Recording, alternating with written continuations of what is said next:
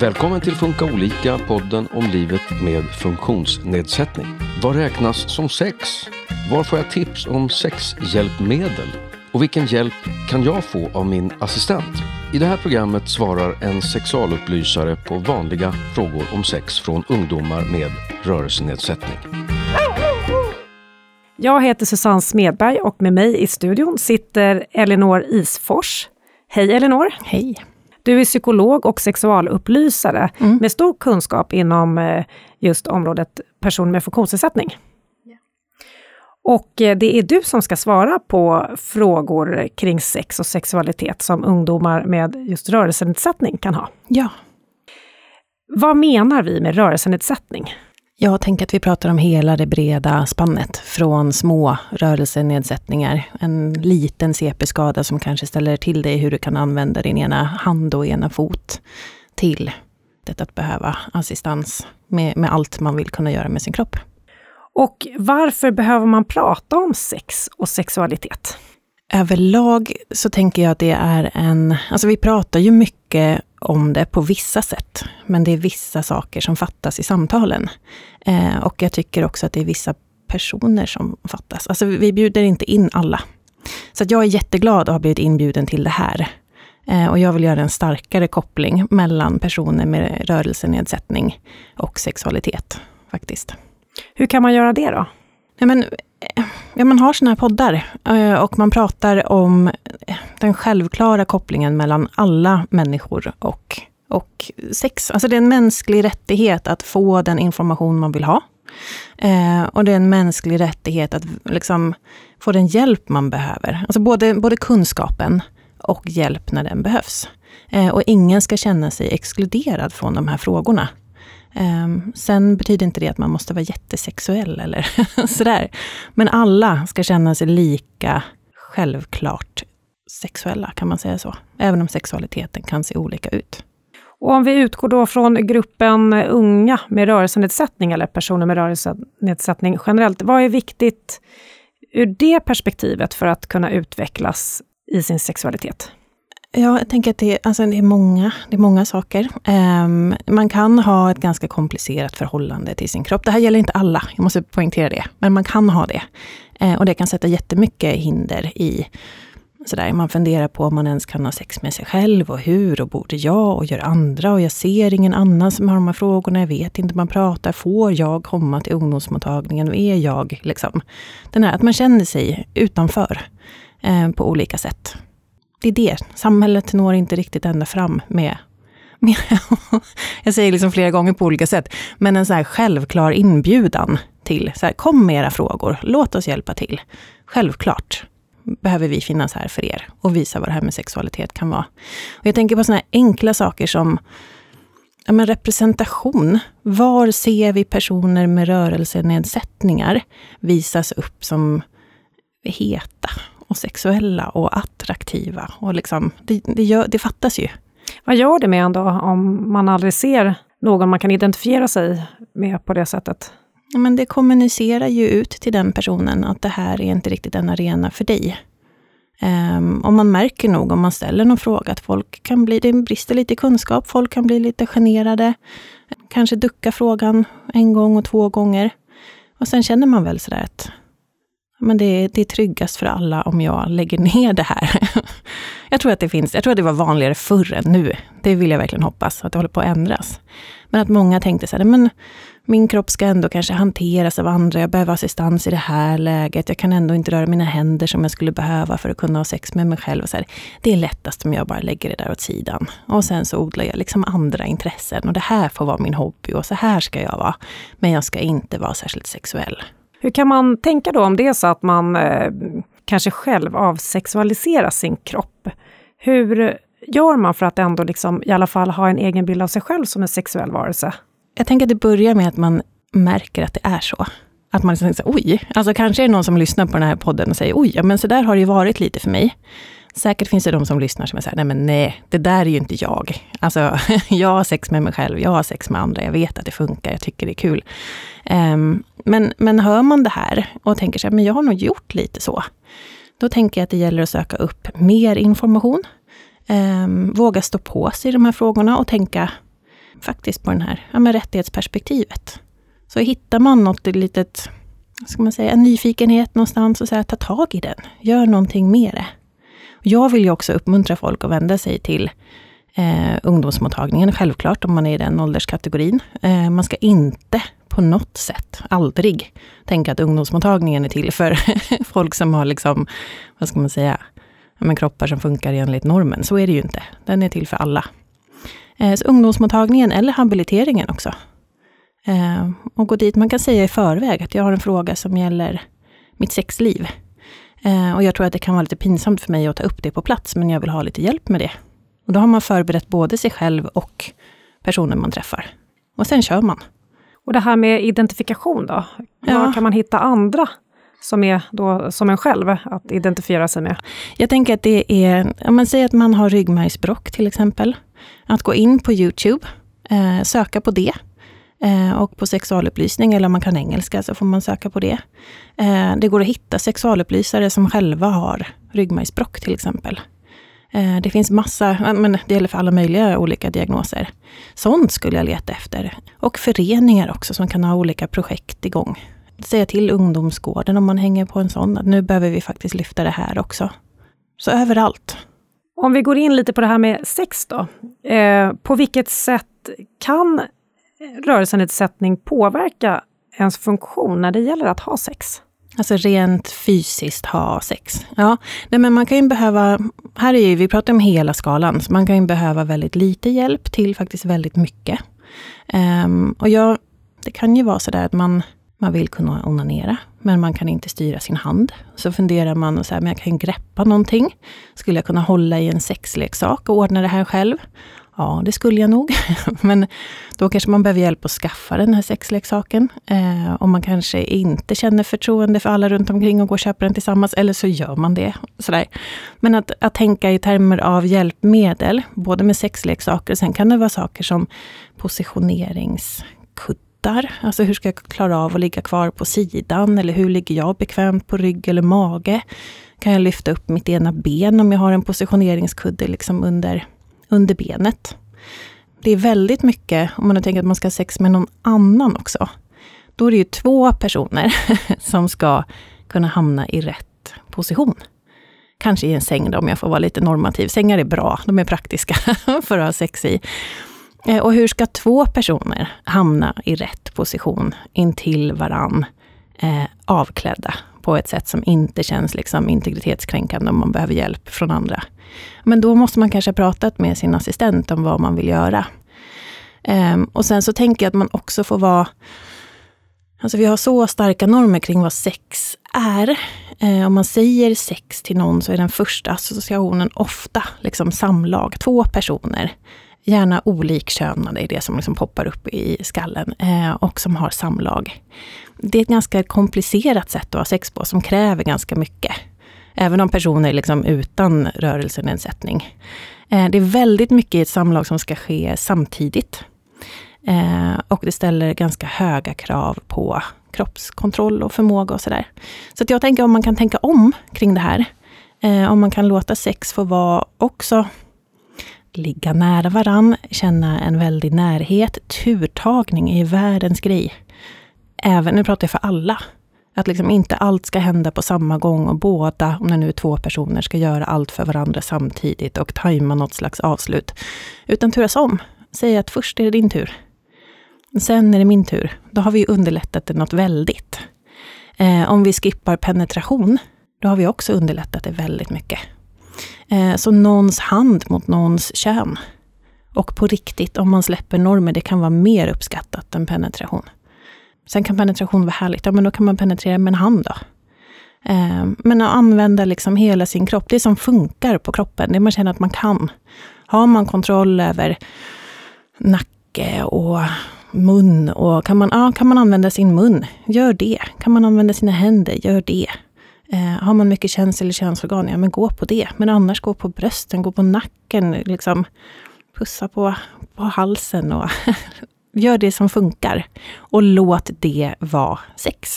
Om man, eh, man kanske inte har känsel till exempel från midjan och neråt. Nej. Eh, hur kan man tänka då? Då kanske man tänker att det här är inte för mig, eller?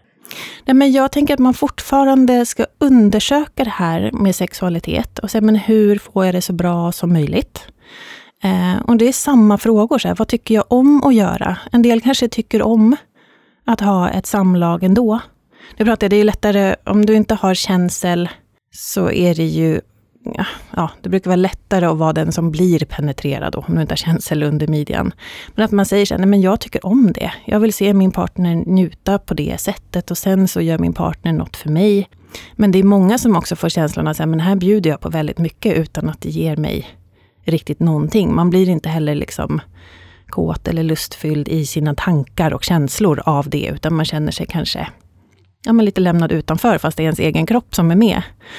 Så det finns mycket att prata om där. Och då tycker jag igen, så här, men ungdomsmottagningen, gå dit. Eh, be att få fundera på, så här, men hur känns det när någon har sex med mig på ett penetrativt sätt, eller med någonting överhuvudtaget som händer någonstans på kroppen där jag inte har känsel. Kan det kännas kul ändå? Eller känns det så här, nej, men nej, nej, jag vill ha sex som handlar om min, ja, men mina, bröst, mina bröstvårtor, min nacke, min hals.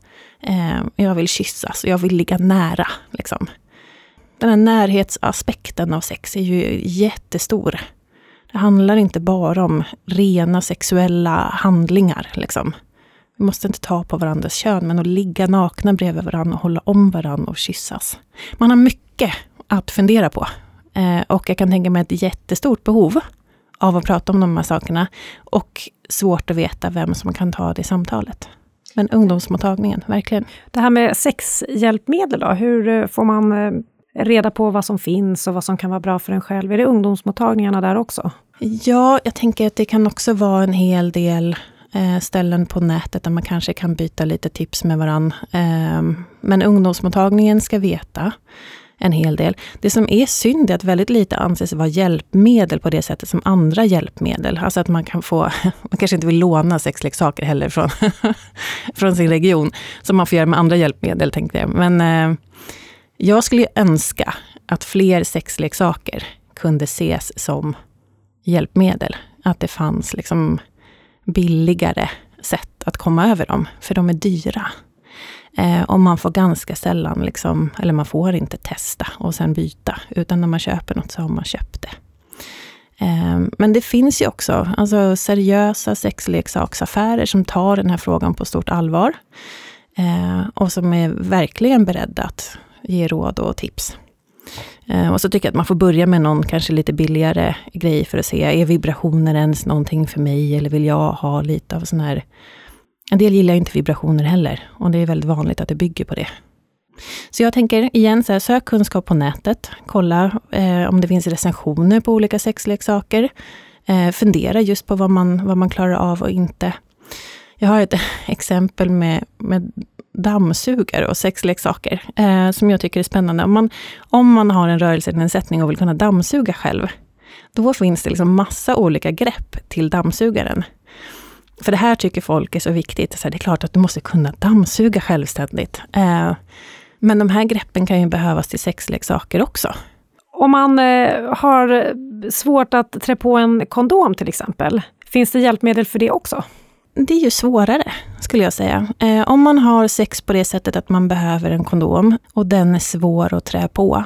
Det är ju sånt som, alltså, det är klart att en assistent ska kunna göra det, men jag tror att många tycker, alltså av de som har assistans som tycker att det är lite, det är en sexuell situation eh, och en kondom ska på. Jag tror att jag, jag skulle kanske i det läget försöka leta lite omvägar. Om man ska ha sex med, om man då själv har en snopp, ska ha sex med någon som har snippa, om man vill inte ha barn. Kan man kolla om det finns chans till preventivmedel? Kan man vara noga med testning och sånt där? Eller så har man en assistent som är så grym så att den bara kommer in och helt avdramatiserat bara trä på en kondom. Det vore ju drömmen om alla hade det. Vad har man eh, rätt att be om hjälp med när det gäller ens assistent? Mm. Men man har rätt att be om allt som inte är en direkt sexuell handling. Att trä på en kondom har man rätt att be om. Men sen att till exempel, vad ska man säga? Man har inte rätt att be assistenten om sexuella tjänster, det är där gränsen går. Alltså en assistent kan få hålla i dina händer ännu hellre medan du trär på en kondom. Istället för att den trär på kondomen. Men det är också i sig okej. Okay. Men en assistent får ju till exempel aldrig eh, stimulera en sexuellt. Det finns ju assistenter och, och brukare som liksom sköter det där väldigt bra. Att man till exempel man får hjälp med en dusch och sen så får man sitta kvar på sin duschstol. Eh, och man kan hålla i duschen, kanske också då med ett grepp som man har fått eh, från habiliteringen eller någonstans. Man kan hålla i duschmunstycket. Och där är ju integriteten helt bevarad. Då kan man bara fråga, vill du sitta kvar en stund? Och så har man avtalat en tid. Sådär. Man, har, man har ett visst antal minuter på sig innan det försynt knackar på dörren och någon frågar om de ska komma in. Och det behöver liksom inte betyda att man alltid säger så här, vill du onanera? Ja tack, låt mig sitta i tio minuter och onanera. Utan det är bara, man lämnar utrymmet där det finns en möjlighet att onanera om personen vill. Tänker om man är ung och har assistenter eh, kring sig, eller en assistent åt gången kanske det är. Eh, hur kan man liksom eh, förbereda sig själv för det här utrymmet och det här? Jag tänker att det kan ju också vara eh, genant att fråga, kanske inte om utrymmet i duschen, men att hämta en sexleksak eller ja. sådär. Hur vänjer man in sig själv i det? Alltså jag tror man får testa försiktigt. Om man inte får frågan, vilket jag också hoppas att man får ibland, att man på olika möten, man pratar igenom liksom planeringen för assistansen och hur den ska se ut, då skulle jag ju önska att assistansbolaget kunde säga, hur är det? Hur är det för dig med hygien? Hur är det för dig med matsituationer? Hur är det med förflyttningar? Där, där, där. Hur är det med sexualitet? Men får man inte frågan, ja, men då får man väl börja med något litet. Och säga att nästa gång vi planerar så har jag en fråga jag vill ta upp. Eh, och den handlar om sexualitet. Är det, är det något annat eh, sätt man kan liksom skapa utrymme och tid för sig själv? Ja, men, ja, ja absolut. Alltså, det här är ju, kommer man på något sätt eh, som man vill testa, då kör man ju på det. Men, men vad ska man säga, klassikerna, för att det är smidigt, det är ju att sitta kvar en stund i duschen. Men sen också när man går och lägger sig på kvällen. Och där kan det vara sådana enkla saker som att ja, men säg att man andas bättre om man ligger i någon viss position och man blir alltid lagd så och i det läget kan man inte onanera men man vill det. Ja, men då är det ganska bra att säga att vet ni, lägg mig, lägg mig på rygg först en stund och sen kom in efter en kvart och lägg mig på sidan så att jag kan somna. Finns det några faror kopplade till sex? Det finns risker att man blir utnyttjad, att man eh, har olika bilder av relationer kanske. Man själv har en bild och den andra har en annan bild. Eh, så att när det gäller det här, det är ju, sex måste inte alltid hänga ihop med kärlek, men det finns ju täta kopplingar såklart mellan kärlek och relationer och sex. Eh, och man riskerar att bli sårad. Och man riskerar också kanske att bli utnyttjad på nätet. Det här är de klassiska råden. Liksom. Inte förrän du har pratat med någon och sett den personen på skärmen kan du ha en aning om vem den personen är. Men den kan ändå ha helt andra motiv än det den berättar för dig. Så att vara riktigt noga med sådana saker som att dela bilder och berätta saker om sig själv på, på nätet. Är det några andra sätt man kan eh, skydda sig på när det gäller just utsattheten?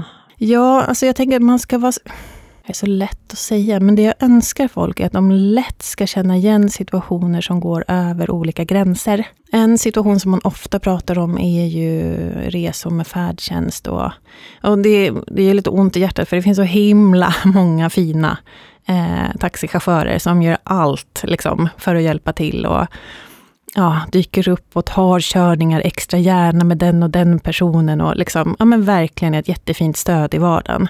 Men det är också en utsatt situation när man sitter ensam med en annan människa och ingen annan ser vad man gör. Ibland åker man ju fler. Eh, och den här personen måste kanske också spänna fast säkerhetsbälten och sånt där. Men får man någon dålig känsla av att säga, men jag kan spänna fast mig själv, men den här taxichaffisen drog säkerhetsbältet över mina bröst och det kändes som han eller hon dröjde kvar med handen och sen så var det något konstigt där den skulle justera saker som jag satt redan bra. Minsta lilla sånt här, säg till någon.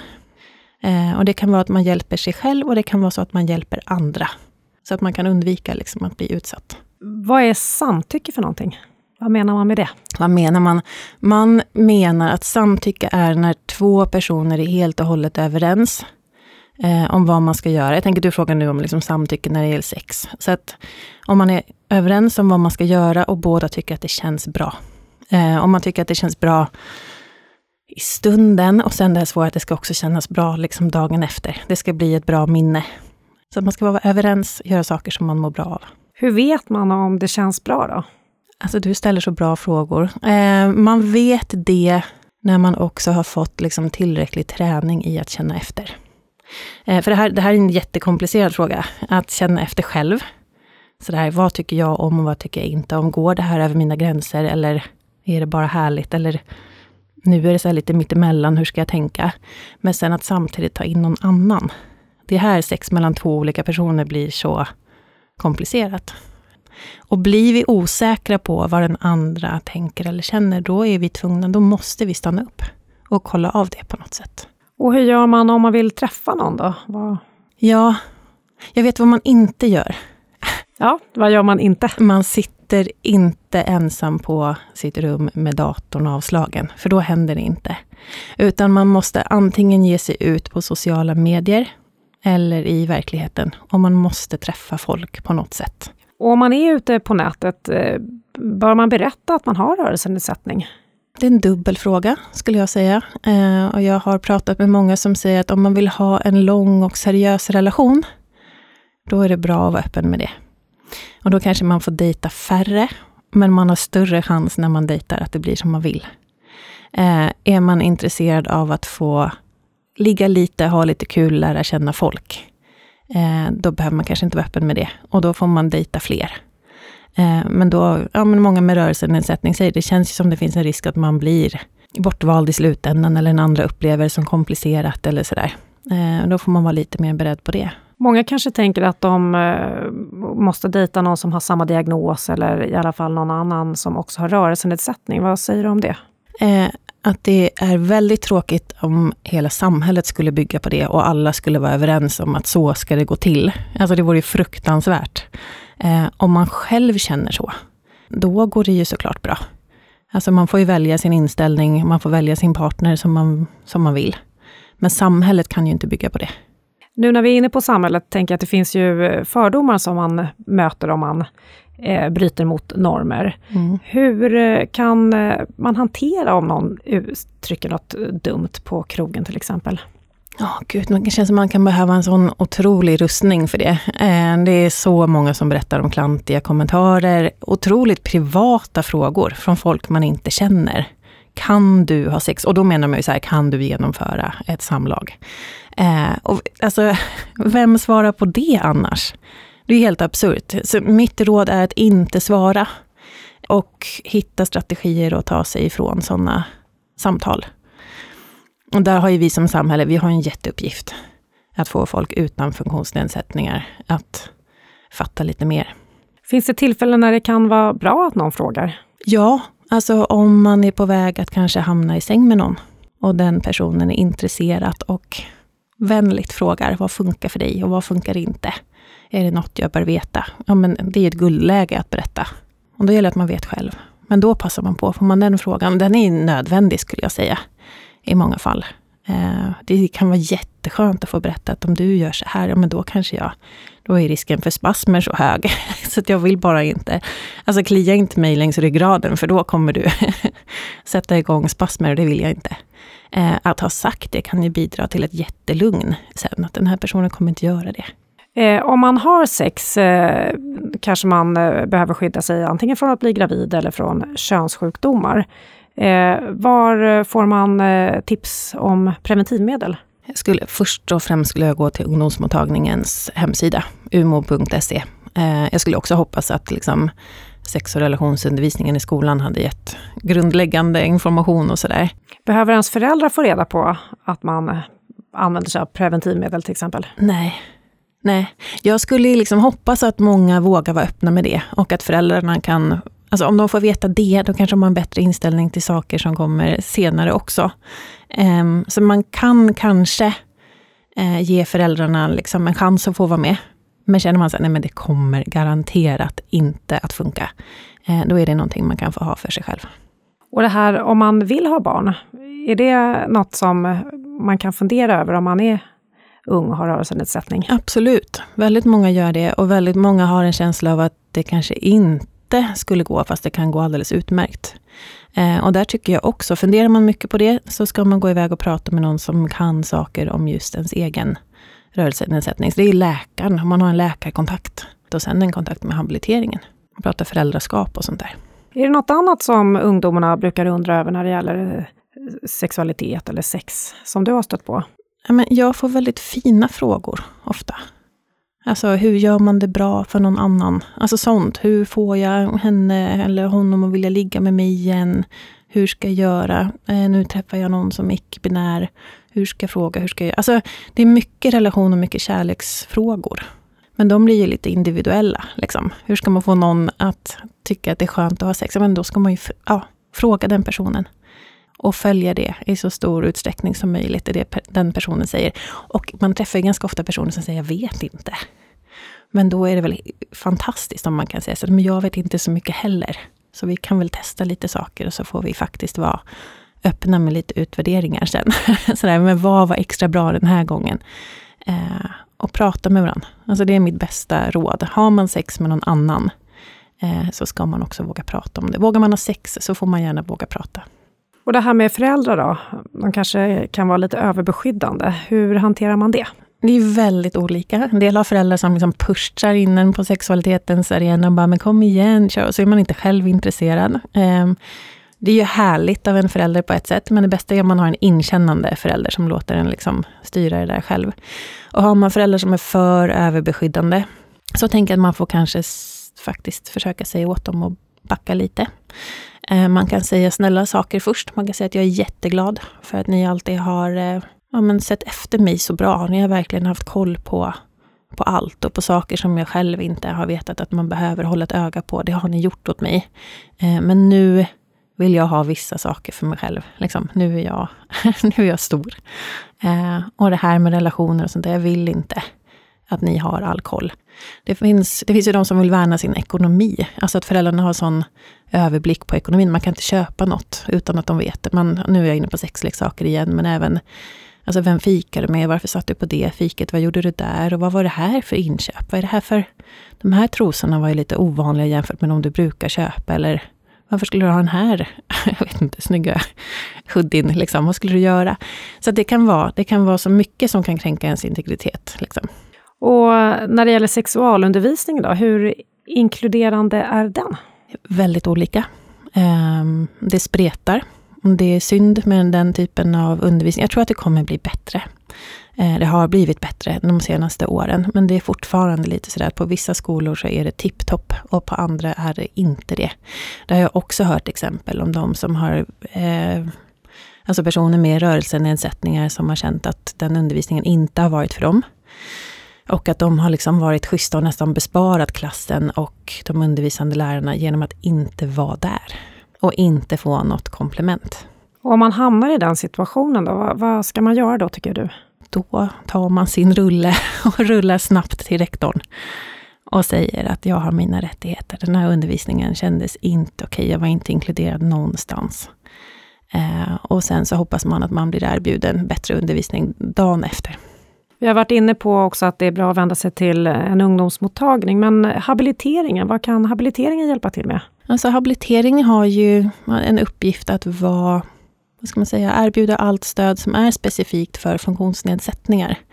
Eh, och traditionellt har inte habiliteringen varit så bra på sexualitet heller, men det händer mycket. Så att dit, absolut gå dit och prata föräldraskap. Absolut ställa samma krav om du behöver liksom hjälp med en positioneringskuddar för att sitta bra i din rullstol eller om du behöver positioneringskuddar för att kunna sova bra. Det går jättebra att be om en extra eh, som är liksom just tänkt för att kunna ha sex i någon form. Då säger jag stort tack till dig, Elinor Isfors. Jag säger tack tillbaka. Mm. Psykolog och sexualupplysare. Och i den här serien kommer det också vara ett program med eh, ungdomsmottagningen som berättar lite grann vad man kan få för hjälp eh, där och vilka frågor de brukar få. Så lyssna gärna på det också. Du har lyssnat på Funka olika, en podd från Habilitering och hälsa som en del av Region Stockholm. Förutom det här avsnittet så finns även ett avsnitt ute nu med sex frågor från ungdomar med autism och lindrig intellektuell funktionsnedsättning. Och I nästa avsnitt träffar vi en ungdomsmottagning för att få reda på vad de hjälper ungdomar med och hur ett besök går till. Vi hörs då!